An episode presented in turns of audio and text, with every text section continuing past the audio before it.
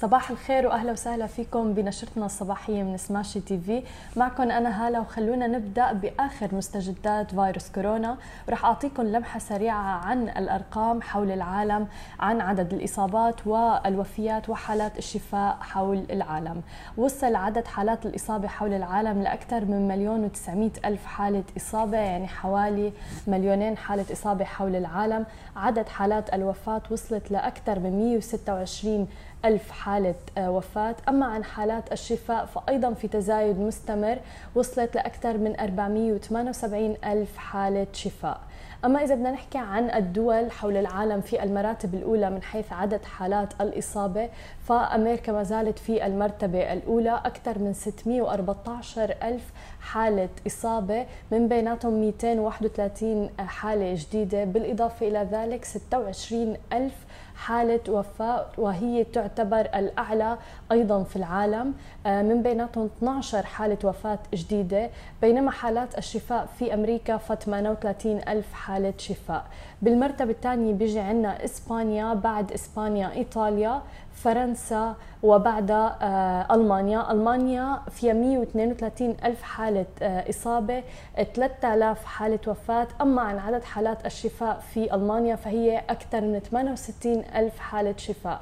وإذا هذا الشيء بدل فبدل على آه، قد إيه قوي النظام الصحي في ألمانيا وهذا شيء معروف من قبل كورونا أصلا لسبب إنه العديد من الناس أصلا بتروح للسياحة العلاجية لألمانيا لتتعالج والأرقام بتدل على ذلك حيث عدد الإصابات آه، موجودة وكبيرة بألمانيا ولكن عدد حالات الوفاة قليلة وعدد حالات الشفاء الأكبر آه، في العالم.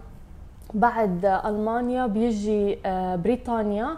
وبعد بريطانيا بتجي الصين. الصين اللي كانت لأشهر في المرتبة الأولى الآن هي في المرتبة السابعة من حيث عدد حالات الإصابة.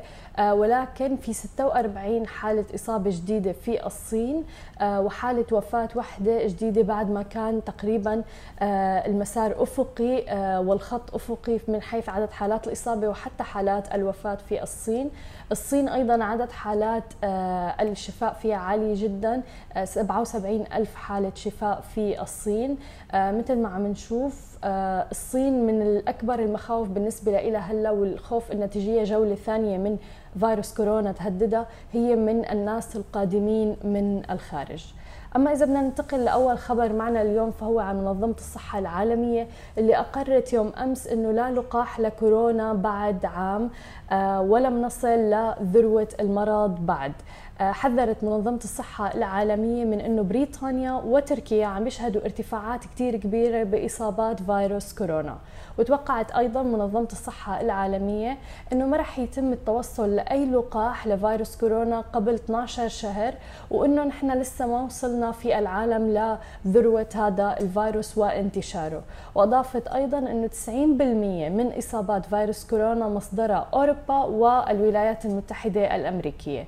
وإنه 90% من إصابات كورونا من الصين مصدرها الخارج مشددة على إنه أكبر تهديد للصين مثل ما قلنا هو الإصابات القادمة من الخارج. ومثل ما حكينا يعني آه، فيروس كورونا أودى بحياة أكثر من 120 شخص 120 ألف شخص حتى الآن آه، وعدد حالات الإصابة حوالي مليوني شخص حول العالم حتى هي اللحظة.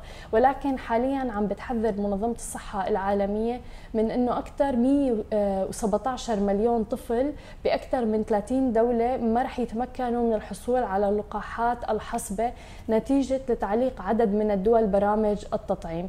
لذلك آه، وبالإضافة إلى 30 دولة آه، في أيضا 13 دولة من المتوقع أن توقف التطعيمات في الدول.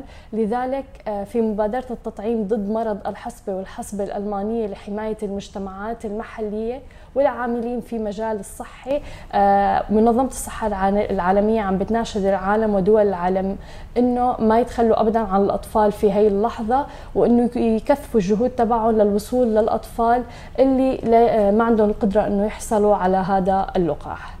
وإذا بدنا ننتقل بعدين لترامب ووجهة نظره من منظمة الصحة العالمية فأخذ قرار كان جدا صارم يوم أمس أيضا واللي هو إنه وقف تمويل منظمة الصحة العالمية.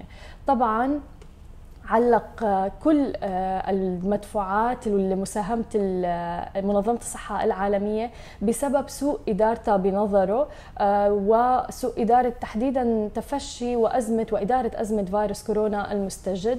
وقال أيضا أنه أمر بتعليق تمويل منظمة الصحة العالمية بالوقت اللي عم بيتم فيه طبعا إجراء مراجعة لتقييم دور منظمة الصحة العالمية في سوء الإدارة الشديد بنظره والتعتيم أيضا على تفشي فيروس كورونا.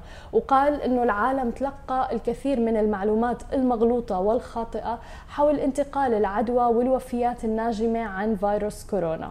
وأيضا آه، يعني آه، عطى سبب آه، ارتفاع الوفيات في أمريكا لمنظمة الصحة العالمية. وقال أنه منظمة الصحة العالمية فشلت كليا في تقديم معلومات شفافة حول هذا الفيروس وقال الرئيس الأمريكي أيضا إنه منظمة الصحة العالمية تأخرت أيضا في إعلان حالة الطوارئ بسبب فيروس كورونا، يعني فعليا كل سبب عدد الوفيات والإصابات الكبيرة في أمريكا هو سببها منظمة الصحة العالمية بنظر ترامب. ولكن طبعا أكيد رد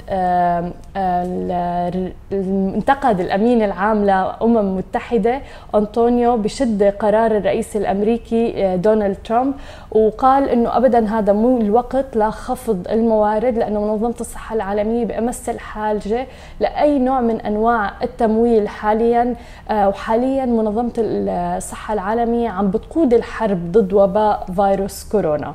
وقال أيضا إنه آه، ابدا ما في مجال لخفض أي نوع من التمويل سواء كان لمنظمة الصحة العالمية أو أي منظمة إنسانية عم بتكافح فيروس كورونا.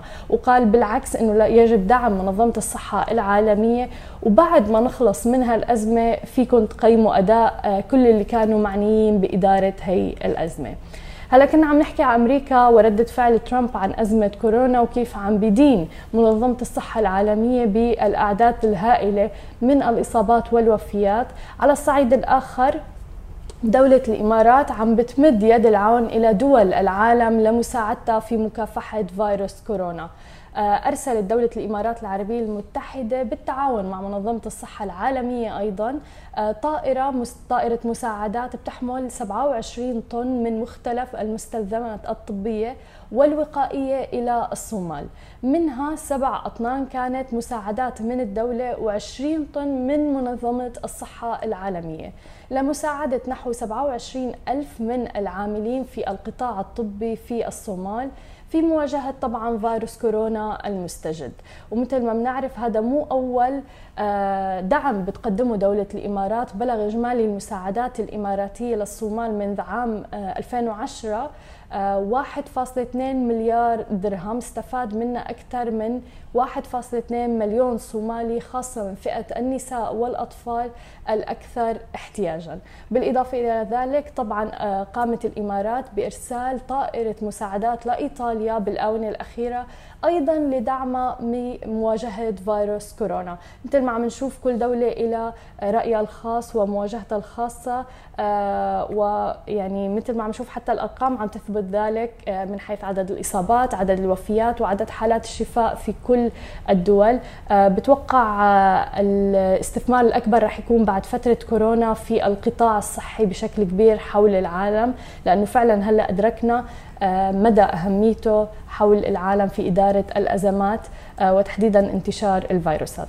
هي كانت كل أخبارنا الصباحية لليوم، ما تنسوا تتابعونا على كل مواقع التواصل الاجتماعي الخاصة ب Smashi TV، تسمعوا البودكاست وتنزلوا ال application، نهاركم سعيد.